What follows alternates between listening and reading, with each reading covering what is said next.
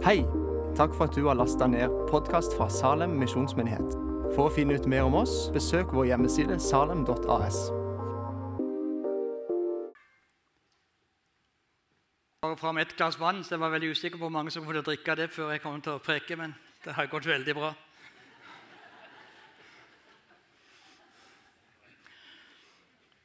Flott å være i Salem igjen. Jeg tror det er eh, femte sommeren på rad. Og det er jo ekstra, Arvid, og det er dine flotte døtre og gode team du har med deg. Det, må være tredje eller fjerde gang vi er sammen. Det er en Herrens ledelse, det tror jeg. Kjempeflott i alle fall å få være sammen. Takk for nydelig sang og musikk igjen. Dette er eh, avslutningen før jeg endelig tar sommerferie. Håper ikke denne preken kommer til å bære preg av det. Men eh, jeg har altså vært nå eh, på fem eh, stevner og bibelcamper og sånn rundt om. Og det er flott for en mann i min alder å få lov til å være med og fortsatt forkynne Guds ord med stor frimodighet og stor glede. Og så er det altså Salem nå, siste før det blir litt ferie og litt andre ting. Kanskje høydepunktet dette året også for meg har vært eh, å være en uke på stevne på Grønland av alle steder. Det var jeg i fjor da jeg kom til Salem, og det er i år igjen. Jeg har altså vært på Grønland, og det var storstevne til grønlandske forhold. Det var 300 mennesker der. Og det, var, det finnes jo ikke bilveier utenom byene der, så folk kommer jo rett og slett eh, til eh, det stevnet i båter. De som hadde kjørt lengst eller seilt lengst, de hadde seilt 36 timer. Noen hadde seilt 18 timer, og noen hadde seilt 12 timer i åpne båter på 19-22 fot. Og så er det sånn som bare kan skje på Grønland, at uh, stevnet ble avlyst en dag før uh, tida. Da reiste plutselig alle, og vi predikanter sto igjen fordi at de hadde meldt dårlig vær, og da måtte folk komme hjem før det dårlige været begynte. Det er litt andre forhold og litt andre måter å feire og ha stevne på. Der er Grønlenderne et fantastisk folk, men også et hardt prøva folk som har vært utsatt for mye overgrep og mye alkoholisme og mye narkotika. Og de sliter veldig, og derfor er det så fantastisk synes jeg får lov til å preke evangeliet i den situasjonen der. For der er Jesus virkelig og eksistensiell og reell. Men jeg skal ikke fortelle mer om det nå. Jeg har uh, fått min tilmålte tid her i kveld også. De prøver å dippe seg på hvert år, men det hjelper jo ikke noe uansett. Så. Men jeg skal prøve å respektere den sånn noenlunde i alle fall. Jeg har, uh, når en er blitt 69 år, som jeg er blitt Det livet går utrolig fort. Det er altså 50 år siden jeg var russ på Kristiansand katedralskole. Og det er uh, da tenker jeg på hvor mye en har vært takknemlig for. Og så tenker en del på de tingene som kunne vært annerledes og burde vært annerledes i livet. Men av de tingene som jeg har tenkt på som kristen, som har virkelig betydd mye for meg, så er det et par-tre ting som jeg vil nevne innledningsvis. Og Det ene er rett og slett det at jeg fikk med meg fra laget i Kristiansand, fra oppveksten min her i byen, betydningen av å holde seg nær til Guds ord å stole på Guds ord og handle på Guds ord. Guds ord har autoritet, Guds ord har kraft i seg, Guds ord har evne til å forvandle både ting og situasjoner og mennesker. Og når alt annet skal få gå, så skal dette ordet bestå. En tillit til Guds ord som er bevart gjennom hele livet, det er jeg veldig takknemlig for. Så er jeg veldig takknemlig for at jeg som ung skolelagssekretær, når jeg skulle ut og vinne andre mennesker for Jesus, ut og presentere evangeliet, ut og se at mennesker kunne bli frelst og bli bevart i troen. At den, på den tida så sendte Gud en vekkelse, den karismatiske vekkelse, hvor han fylte meg med sin Hellige Ånd, hvor han snudde livet mitt opp ned, hvor han utrusta meg med gaver og ga meg en tro på at Jesus lever fortsatt. Og det Jesus gjorde da han levde, det er han fortsatt i stand til å gjøre, også i vår tid. Og han bruker meg, usle menneske, med alle mine småhet, alle mine begrensninger og min halvhet og min lunkenhet og alt sammen. Men Gud bruker meg for at Guds rike skal vokse. Jeg har fått med meg den troen på at midt i min skrøpelighet og midt i min hjelpeløshet så ønsker Gud å virke med sine oppstandelseskrefter. Og Mange ganger har jeg takka Gud for at når jeg ser rundt meg i samfunnet og ser i kirka hvordan kraften fra det lave ofte er så manifest, så jeg får glede meg over å kunne se at det var en kraft fra det høye som motvirker kraften fra det lave. Kraften fra det høye som er i stand ikke bare til å informere mennesker om Gud, men som er i stand til å forvandle mennesker i Guds nærhet. Jeg takker for at jeg har fått en tillit og en tro på Guds ord. Jeg takker deg fordi jeg takker Gud for at jeg ikke skal få lov til å leve alene, og at det kristenlivet bare er teori, men at det er aktivt liv fordi Den hellige ånd arbeider i meg, lever i meg og bor i meg. Og så har jeg fått takke for én ting til, og det skal jeg ta utgangspunkt i i kveld. Og det er at jeg takker virkelig Gud for at han sendte meg til Modum Bad. Ja, nå begynner jeg å lure. Ikke som pasient i første omgang, men det spiller ikke så mye rolle. Jeg kunne like gjerne ha vært det. Men at jeg fikk lov til å ta en, en terapiutdannelse, en sjelesorgutdannelse, for mine gode venner Det går an å være så bibeltro som, går, som bare det. Det går an å være så fylt av Guds ånd og ha så mange gaver i funksjon som bare det, og se tegna under så det spruter, og allikevel være en umoden person som skaper bare problemer i forhold til andre mennesker, og som alltid sliter med seg sjøl fordi en ikke har fått kontakt med sitt eget indre og fått gjort noe med sitt eget indre liv. Så jeg takker Gud virkelig for at jeg fikk møte bibeltroskapen, åndsfylden, men jeg takker Gud like mye også fordi at han hjalp meg til hva det vil si å være et helt og et sunt og et ekte menneske. For Det hjelper ikke noe. Det er derfor det blir så håpløst i så mange debatter. Det er derfor det er så mye som er så slitsomt rundt om i menighetene våre. Jeg kan være bibeltro som bare det. En kan være så fylt og så opptatt av tegn og under og mirakler som bare det. Og så har en ikke, ikke samla til, til, et rike som egen person. Og når en ikke er samla som, som, en person til et rike, så skaper en problemer for seg sjøl stadig vekk, og en skaper problemer for de rundt seg. Får jeg si noe om det siste i kveld?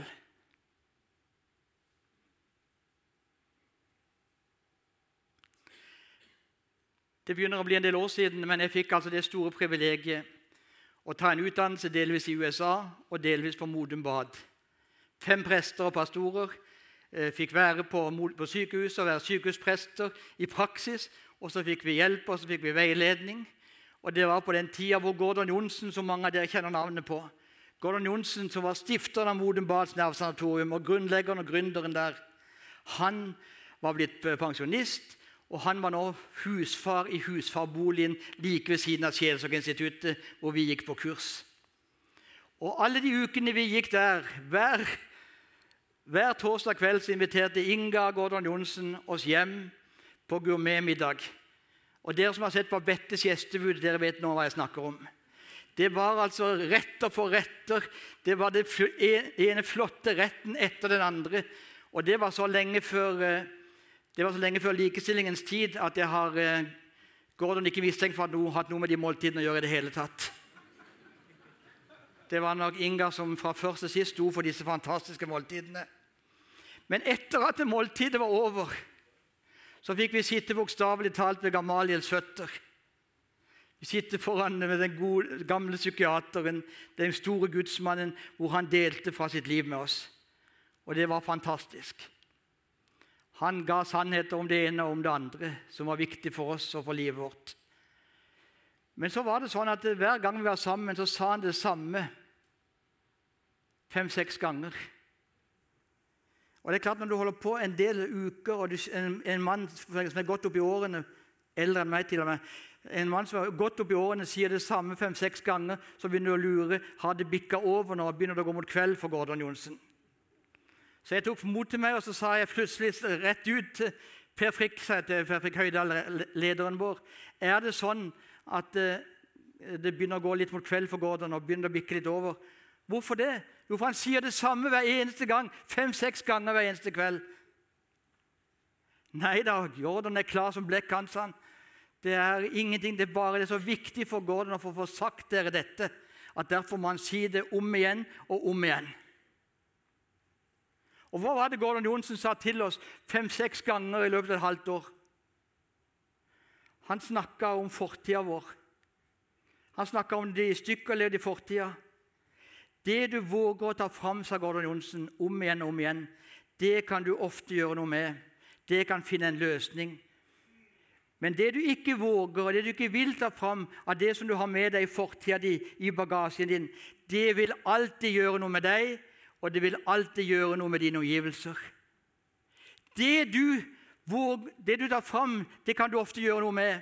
Men det du ikke våger eller ikke vil ta fram, det du ikke vil ta fram i lyset av det som ligger i bagasjen din, det vil alltid gjøre noe med deg, og det vil alltid gjøre noe med omgivelsene dine. Det vil gjøre deg syk, både fysisk og psykisk og åndelig. Det vil tappe deg for energi, og det vil tappe deg for overskudd og frimodighet. Og Noe av det som jeg synes har vært det vanskeligste gjennom alle disse åra som predikant og som pastor rundt om og reist rundt i Norge, alle disse årene, det er å se den enorme energilekkasjen det er i norske menigheter. En energilekkasje uten like. En energilekkasje som skyldes at man ikke får lukka døra til fortida. Og når en ikke får lukka døra til fortida, så får en aldri levd frimodig i dag, og en får heller aldri sett frimodig fremover. Når døra til fortida er på gløtt, når døra til fortida ikke blir lukka igjen, så blir dagen i dag umulig, og framtida blir nesten uten håp. En tappes for energi, for overskudd og kraft og frimodighet. Og Derfor er det jo om å gjøre for oss at vi våger å bekjenne de syndene som vi stadig vekk står i fare for å slutte fred med. At vi får tilgivelse og forløsning for våre synder. At vi får gjort noe med all den bitterheten som så lett preger oss. At vi får gå i veien mot tilgivelse og oppgjør i forhold til de som har såra oss. Det er så viktig at vi både får gjort noe med vår skyld, at vi får gjort noe med vår, gjort noe med vår bitterhet. Men jeg skal tale om noe som kanskje går enda dypere, og som lammer både kristne menigheter og samfunnet enda mer enn både skylda, de uoppgjorte syndene og bitterheten. Og de er at vi mer og mer, gode venner, er i ferd med å leve i det jeg vil kalle en skamkultur. Det som er virkelig alvorlig for oss, det er at vi lammes og rammes av en skamkultur uten like. Hvorfor har 43 millioner jeg gjentar tallet, hvorfor har 43 millioner mennesker i verden sett serien Skam? Det er, 43 unike eh, klipp eller eh, klikk på, serien Skam. Og, den går over hele verden. Og Det er ikke alt sikkert jeg vil si at jeg vil anbefale dere å se alle episodene, ikke sammen med unge barn osv. Men når det er sagt, serien Skam, som 43 millioner mennesker har sett, den reflekterer kanskje samfunnet vi lever i, mer enn noe annet gjør. Vi lever i en skamkultur. Det er blitt en ny folkesykdom. Og det forsterkes denne folkesykdommen og skammen forsterkes av den individuelle kulturen vi lever i, hvor individet selv må skape sin egen framtid og sitt eget liv. Bare for ordens skyld, før jeg går inn og begynner å fortelle litt historie og gjøre dette enda mer konkret. Skyld, det handler om at jeg har gjort noe galt. Skyld, da er det meg som har gjort noe galt. Er dere med på det? Det er meg som har forbrutt meg mot et annet menneske. Det er meg som har sagt noe eller gjort noe i forhold til et annet menneske. Skam, da er det ikke meg som har gjort noe galt, men da er det noe som er mye verre for mange flere. Da er det noe galt med selve meg. Det er det meg det er noe galt med. Jeg er stygg, jeg er dum, jeg er svak, jeg er taper, jeg flykter så jeg ikke blir oppdaget, jeg er full av selvforakt, jeg er full av selvbebreidelse. Det er meg det er noe galt med. Det er så mye galt med meg og min person. Og Hvordan, hvordan skapes dette? Vi er alle sammen, unge og eldre, offer for idealbildets tyranni. Hvordan en skal være et perfekt menneske, hvordan en skal være en vellykket ungdom, hvordan en skal være en vellykket unge voksne, hvordan en skal være en vellykket voksen kristen. Og så lever han ikke opp til dette her. Og når jeg ikke klarer å leve opp til dette, så er det meg det er noe galt med. Og så går jeg under for hele skammen. Under hele skammen. Selvtilliten kan jeg lettere gjøre noe med. For selvtilliten kan økes ved at, selvtilliten kan økes ved at jeg får bedre, får bedre ferdigheter. Jeg kan få større selvtillit, mer selvtillit, ved at jeg rett og slett jobber for å bli flinkere til det og det og det, og få mer og mer oversikt. Flinkere i praktisk arbeid, flinkere på skolen, flinkere med det og det. Men skammen, hvordan skal jeg løse den? Hvordan skal jeg løse den at jeg ikke er god nok? At jeg aldri blir godt nok, at jeg ikke er pen nok, at jeg ikke er flink nok, at jeg ikke er som de, alle de andre som jeg sammenligner meg med, at jeg ikke er åndelig nok, at jeg ikke er ditt og datt nok. Hvordan skal jeg løse det problemet? Det er bare én måte å løse skam på. Det er bare ett svar på skammen, og det er den ubetingede kjærlighet. Det er bare ett svar på skammen, folkens. Det er bare ett svar til den kulturen vi lever i, og som vi er barn av alle sammen, kristne eller ikke kristne, på det åndelige plan eller på det menneskelige plan. Det er bare ett svar på den skammen som holder på å ødelegge oss, og som holder på å knekke oss, og det er den ubetingede kjærlighet. Den løses ikke på noen annen måte enn med ubetinga kjærlighet. Og Da er vi inne ved det som er noe av kjernen i hele menneskelivet og i hele kristenlivet. Og Det å prøve å finne ut hva er det dypeste behovet som du og meg har. Hva er ditt og mitt aller dypeste behov? På en varm sommerdag Det har vel ikke vært så mange av de siden jeg kom på Sørlandet, i alle fall, men det spiller ikke så mye rolle. På en varm sommerdag så vil mitt dypeste behov i første omgang være å få noe, noe, kaldt å drikke eller en kald dusj eller få lov til å komme i skyggen. På en, eh, kald, på en kald dag så vil det være å få noe varmt. Noen ganger For noen vil si at det, det vil være eh, det er mat, det er verdier, det er, materie, det er materielle ting. Mine største behov det er et flott hus, det er gode venner, det er ditt og datt. Vi vil snakke til ulike tider om hva vårt største behov er. Noen vil si at mitt største behov er å bli sett. Men under det så er det noe som går dypere enn dette, folkens. Hva er menneskets aller største og aller dypeste behov? Jeg er helt overbevist, og jeg ser også hva som skjer når ikke dette behovet blir fylt. Dette dypeste av alle behov. Mitt og ditt aller dypeste behov, det er behov for å være elska ubetinga. Ditt og mitt aller dypeste behov, det er behov for å være elska ubetinga. Og hvis jeg ikke og blir elska ubetinga, uansett hva jeg har gjort, uansett hva jeg ikke har gjort, uansett hva jeg kommer til å gjøre At noen forteller meg at uavhengig av hva jeg har gjort og ikke gjort, så er det noen som er glad i meg. Det er det dypeste behovet. Og når det behovet for så mange mennesker i vår tid, både kristne og ikke-kristne, ikke blir dekka, så går vi i gang med kompenserende atferd. Og den kompenserende atferd det er fordi at denne bøtta er jo tom. Og så må jeg fylle det som et bevis på en annen måte at jeg er verd noe. Og så får vi all denne heseblesende aktiviteten. Jeg må gjøre noe. Stå på, stå på, stå på, for på en eller annen måte å bevise det. Det er greit med småunger, for de kan rope 'Se meg, se meg, se meg'. Men vi som er voksne, vi må gjøre det på en mer avansert måte. Så vi må finne noen finurlige måter å si 'Se meg, se meg, se meg'. Gi meg noe ros, da. Se nå hvor flink jeg er, se nå hvor dyktig jeg er, se nå hvor god jeg er til ditt og datt. Og hvis vi ikke orker det mer Jeg kunne bli sliten av å skulle fylle den bøtta og være, og være elskverdig. Så gir vi opp, og så går vi over på den motsatte veien. Og på den veien der er det jo sånn at da gir jeg helt opp. Det nytter jo ikke allikevel. Og, I vandringen mellom den store aktiviteten og fullstendig passiviteten, der ligger hele tiden kampen og arbeidet for å bli anerkjent. Fordi en ikke får dekket det dypeste av alle behov som et menneske har, nemlig behovet for å være elska. Og det behovet det kan først og sist dekkes av de aller nærmeste når vi vokser opp av våre foreldre. Og Derfor er det jo på en måte urettferdig Uh, livet er urettferdig, og livet er på en måte unfair. For noen har jo fått i bøtter og spann for å være i bildet fremdeles, og noen har nesten ikke fått noen ting. Derfor er det jo så viktig hva vi har fått med oss. Om vi ikke har fått det med oss, skal jeg snakke om litt senere, så får vi finne andre måter å løse det på.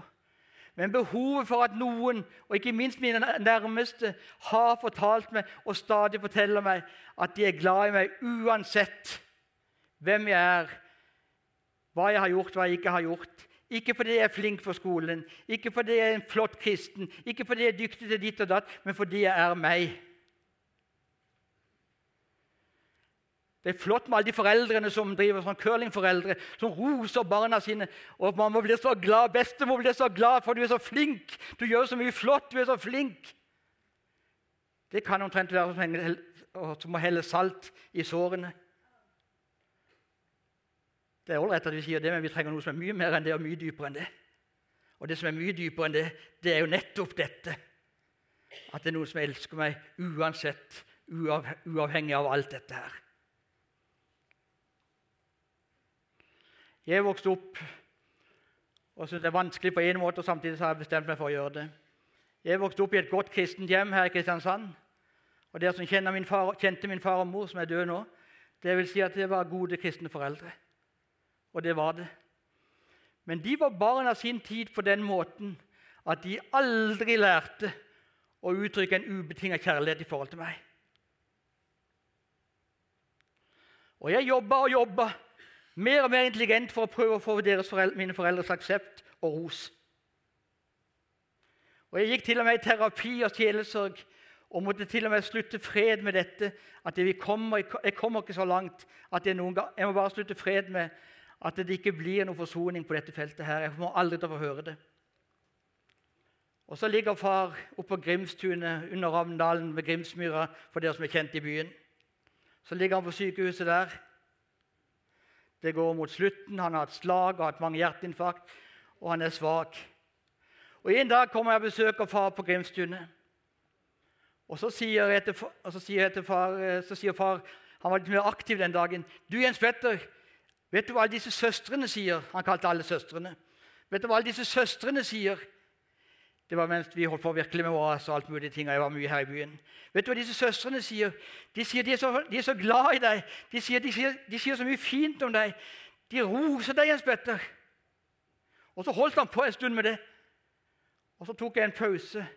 Og så stilte jeg det modigste spørsmålet jeg noen gang har stilt i mitt liv. Så ser jeg min far inn i øynene, og så sier jeg til han, 'Men hva mener du da, far?' Hva mener du da, far?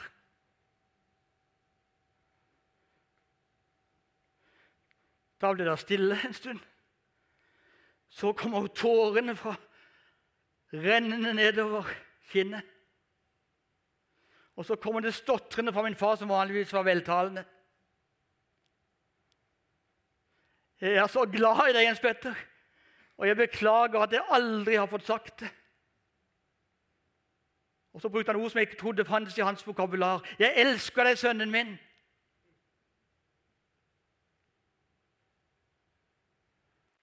Og Så begynte han med at han vært dårlig far og sånt, og sa 'Legg nå vekk det, far, nå, i alle fall'.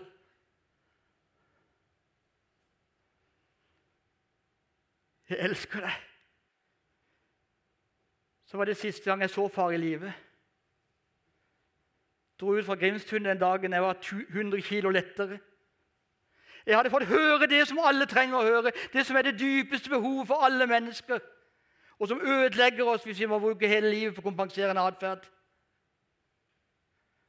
Det var en som var glad i meg for min egen skyld. Ikke fordi jeg var en flink predikant, ikke fordi jeg hadde fått gode karakterer på Katta eller på skolen eller på Grim skole, men fordi jeg var meg.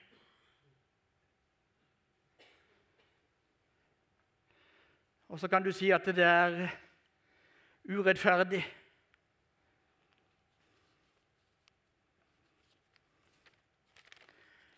Far og mor i mitt tilfelle hadde antakeligvis aldri hørt noen gang i deres liv om den ubetinga kjærligheten.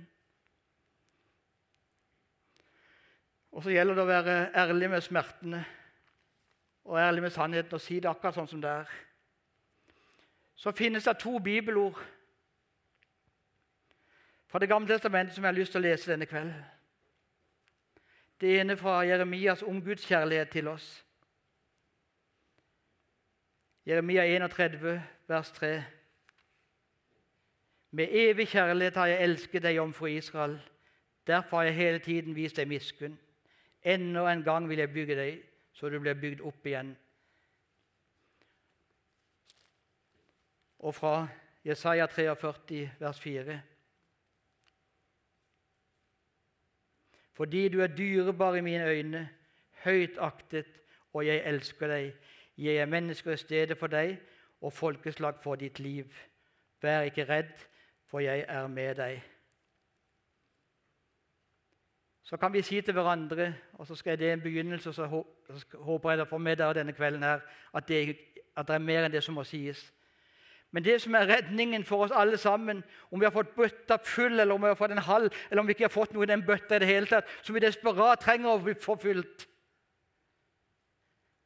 det er at Jesus elsker oss ubetinga. Han elsker oss mens vi enda var syndere, står det i Skriften.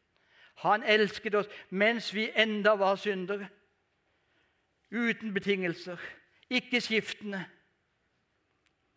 En av de bøkene som har betydd aller mest for meg, og som jeg hører med til de fem bøkene som jeg vil anbefale, som er mine fem bøker som har betydd mest for meg i livet En av de bøkene heter 'Nådens gåte' av Philip Jensi. 'What's so amazing about grace'.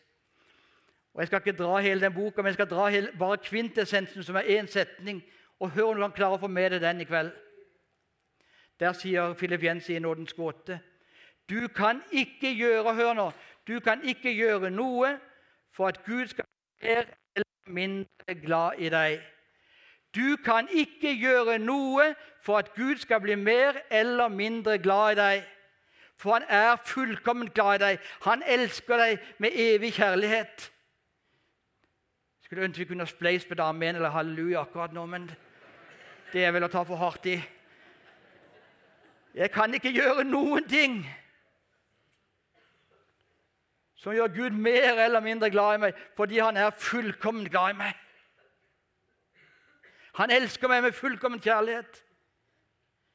I den store sammenhengen så hjelper det ikke noe hva jeg gjør godt eller ondt, for jeg er møtt av en ubetinga kjærlighet.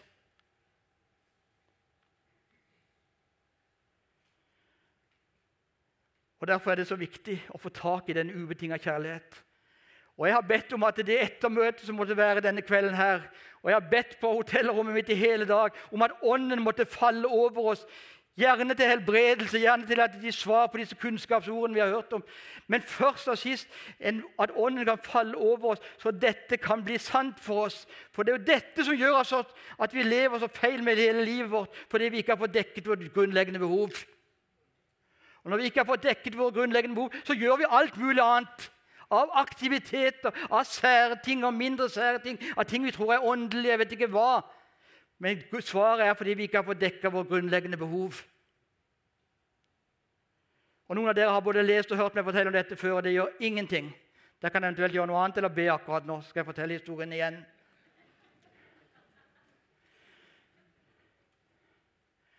Og det er mitt sterkeste møte med Gud som ikke var noe sånn karismatisk pinsevenn klatre gardinen-opplegg.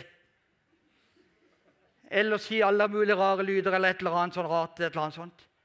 Min sterkeste erfaring av Guds kraft og Guds nærvær handler om dette temaet som vi nå snakker om denne kvelden. her, Om Guds ubetingede kjærlighet til Jesus Kristus.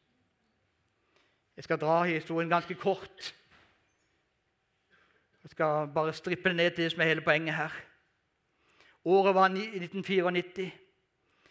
Toronto-vekkelsen gikk over uh, verden. Og alle dere som nå holder på å spore av allerede og begynner å tenke på Toronto-bevegelsen og alt det rare som skjedde, kan dere legge det vekk akkurat nå. Når jeg kommer til himmelen, så skal jeg spørre Gud det var det første jeg skal snakke med Jesus om. Det var nødvendig å få alt det der rare på kjøpet. Så det skal jeg ordne der. Det er greit, så kan dere nå høre på mitt vitnesbyrd. Jeg syns også det var mye som var rart. Det er ikke poenget nå. Poenget mitt er dette. Og hør, hvis du vil. Jeg hadde vært der og sett at Gud gjorde mektige under. Forvandla mennesker, snudde livet deres opp ned med sin kraft. Det som terapeuter ikke kunne gjøre over 17 år, gjorde Gud over en time. Guds ånd var kraftig mektig til stede der. Og det var mye rart. Og disse vinjardprestene som de var den gangen Dere som husker fra den tida, husker at vinjardprestenes eh, måte å gå på, det var å gå litt sånn siderumpa med begge hendene dypt i lomma. Og jo mer eh, avslappa de kunne være, og jo mer sånn vanlig menneskelig de kunne være, jo bedre var det. Og disse veldig To av disse veldig avslappede pinse, nei, ikke pinsepredikantene, vinjardpastorene, de kom til meg etter et møte. Og så sa de eh, så på den avslappede måten som Vinjard-pastor skal tale, så sa de da til meg May I pray for you, state church guy from Norway. Kan jeg be for deg, statskirkefyr fra Norge? Jeg tilhører Den norske kirke da. May I pray for you, Det var ikke ironisk ment i det hele tatt. May I pray for you, state church guy from Norway? Sure, sa jeg. Go ahead. Selvfølgelig, det må dere gjøre. Og så har jeg samme avstand som jeg, du har, som jeg har til Geir. Nå kan du stå oppe, Geir, bare for, all for illustrasjonens skyld. Du skal slippe å falle. Og så,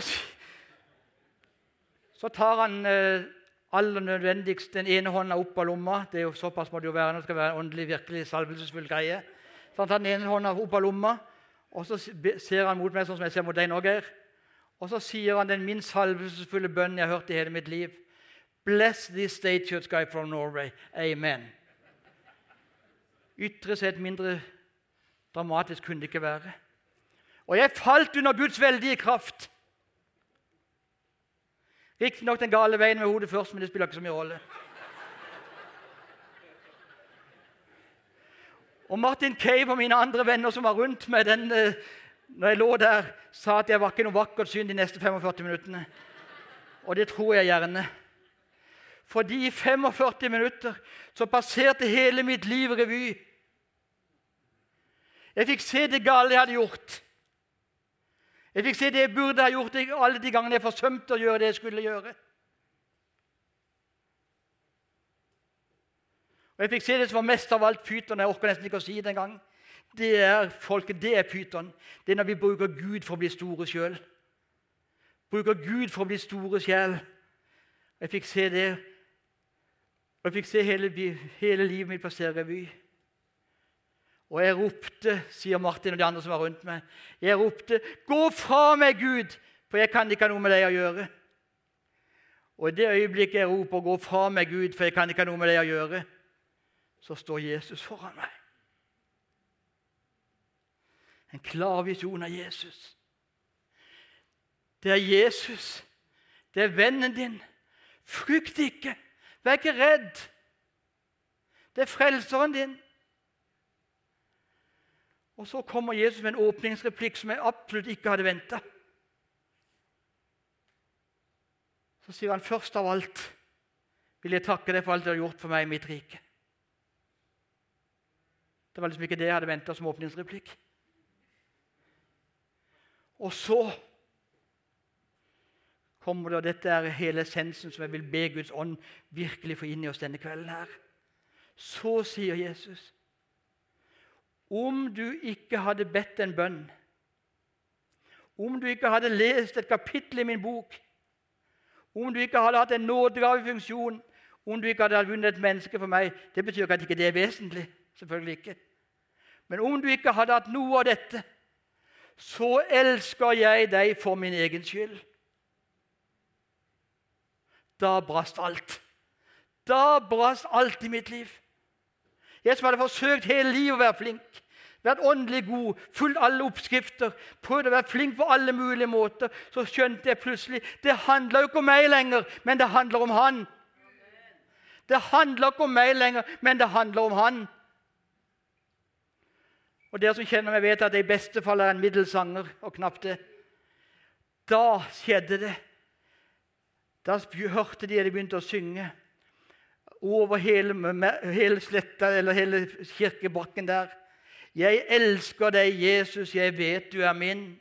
Jeg elsker deg, Jesus, jeg vet du er min. Hvordan kunne jeg synge det? Fordi det var en som hadde elska først. Og hva var min kjærlighet? Hva er min kjærlighet noe annet enn hans gjensvar på det han har gjort for meg? Og det Jesus-skikkelsen er i ferd med å forlate meg, så lyder disse ordene som, er, som, kommer igjen og igjen til meg dag ut og uke ut og måned ut og inn. Da kommer disse ordene. Det det handler om, Jens Petter, det er å la seg elske. Og la seg elske, og atter igjen la seg elske.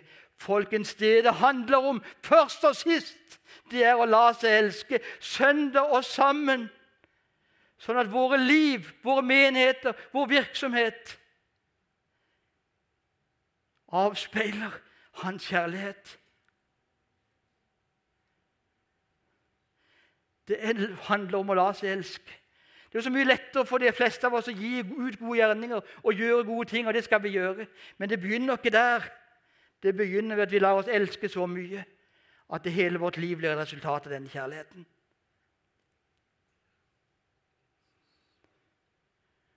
Og så skal jeg si noe som er vanskelig og alvorlig. Som om ikke dette var alvorlig nok.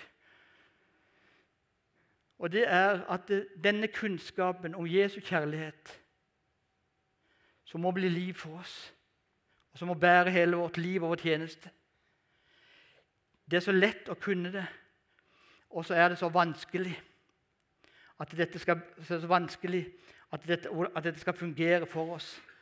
Vi kan det, men hvordan skal det bli liv, alt det vi snakker om nå? Hvis hele det største problemet i samfunnet vårt er skammen, og svaret på skammen er Guds ubetingede kjærlighet eller menneskers ubetingede kjærlighet, for å ta et stykke på vei Hvordan skal vi få ta imot denne, dette? Det er jo det det handler om.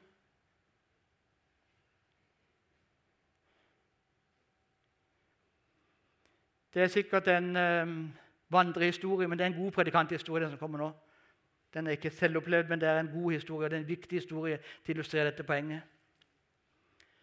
Det var um, en liten familie, mor og far og en fireårig datter, som bodde på landet. Og Plutselig så ble det et kraftig tordenvær. Det lynte og torna, det skralla. Og den lille jenta bodde på sitt eget barneværelse over gangen for foreldrenes soverom. Og naturlig nok, når det skralla og lynte på det verste, så gikk, så gikk den lille jenta inn og så la hun seg tett inntil sin far og sin mor. Og hun skalv der hun lå. Og så sier, så sier den gode kristne far, 'Jenta mi, dette er ikke farlig, for Gud, du vet jo at Gud passer på deg.' Da sier den lille fireårige jenta noe profetisk. Ja, jeg vet inderlig godt at Gud passer på meg, men akkurat nå trenger jeg noen med hud på også.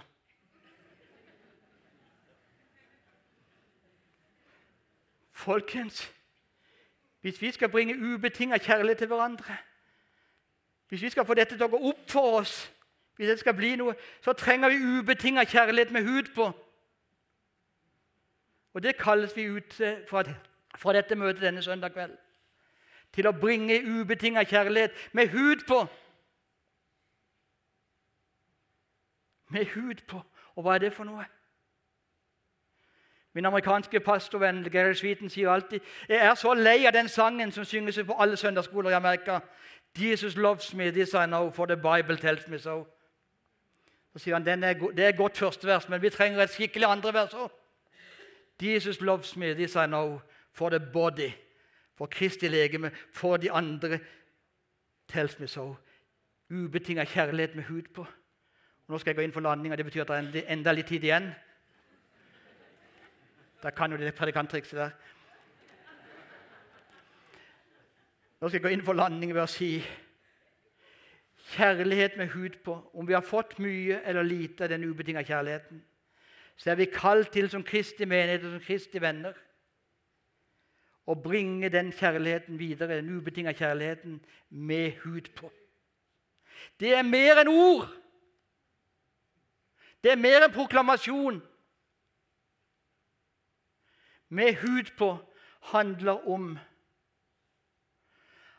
at jeg for det første gir de mennesker at jeg er en nådefull at jeg er nådefull formidlere av Guds ubetinga kjærlighet. Og hva er det å være en nådefull formidler? Du kan ikke, kan, kan ikke jeg få bruke det litt? Er det, ja, det nå, er det greit? Skal få, jeg skal trekke av mitt honorar, så kan du få det. vet du.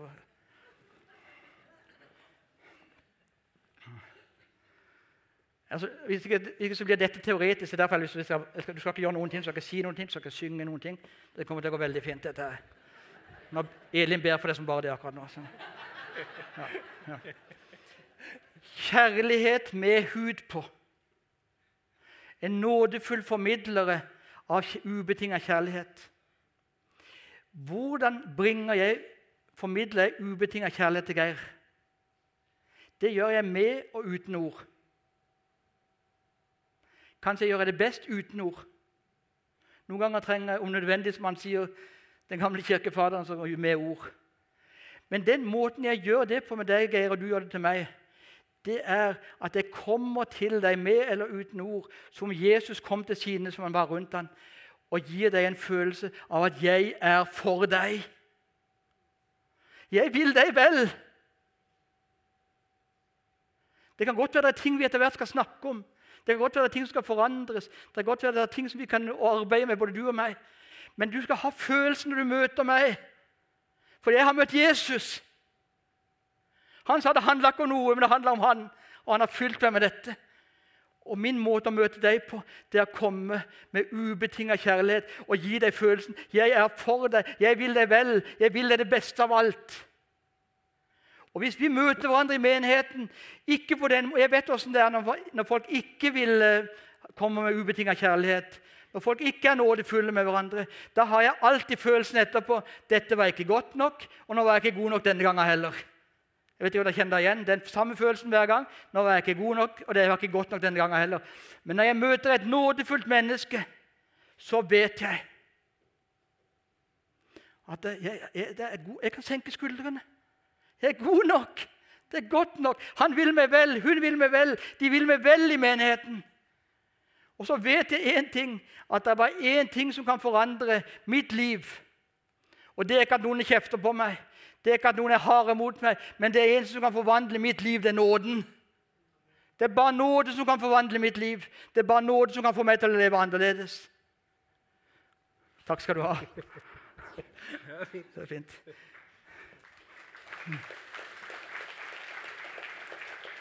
Og Denne nåden, nådefulle måten å gjøre det på det handler om å gi hverandre en meningsfull berøring. Det er det første. Det handler om klemmen, det handler om håndtrykket, det handler om øyekontakten, det handler om omfavnelsen. Og Jeg kunne holdt en forelesning for da kom på Ansgarskolen og hører i vinter. Jeg kunne holdt en forelesning nå om hva, hva fysisk kontakt betyr for å bringe ubetinga kjærlighet til hverandre. Midt i en seksualisert verden. Det handler for det andre om å oppmuntre hverandre, komme med oppmuntrende ord til hverandre. Kappe som å hedre hverandre. Tenk hvis det blir konkurransen i alle menighetene våre denne høsten. Vi kappes om hvem som blir best. Hvem kan hedre hverandre mest?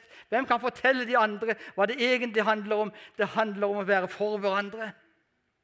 Og til slutt så handler det om å gi hverandre, gi hverandre fremtid, peke på en positiv fremtid, fremtid full av håp.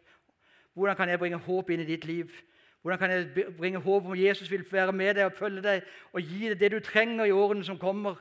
i dagene som kommer, og ikke minst innenfor evigheten. Jeg ønsker å bringe deg håp. Vi trenger ubetinga kjærlighet med håp. Vi trenger kjær ubetinga kjærlighet med hud på. Vårt samfunn holder på å gå under i skam. Og svaret har vi. Svaret er den ubetingede kjærligheten. Den trenger vi.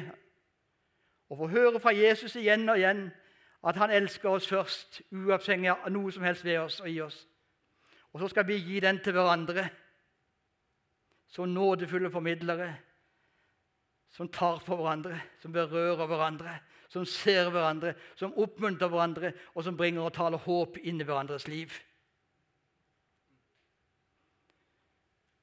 Og Jeg kan ikke være en garantist, men jeg vet at Ånden er her. Ånden ønsker å gjøre det viktigste av alt Ånden kan gjøre i et menneskes liv. Og det er å fortelle oss at det er godt nok for Jesus skyld. Det er godt nok for Jesus skyld. Du er god nok for Jesus skyld. Du kan slippe å sammenligne det med de andre. Du kan slippe å sammenligne det med reklamen. Du kan slippe å sammenligne det med alle de andre åndelige. Det er godt nok for Jesus skyld.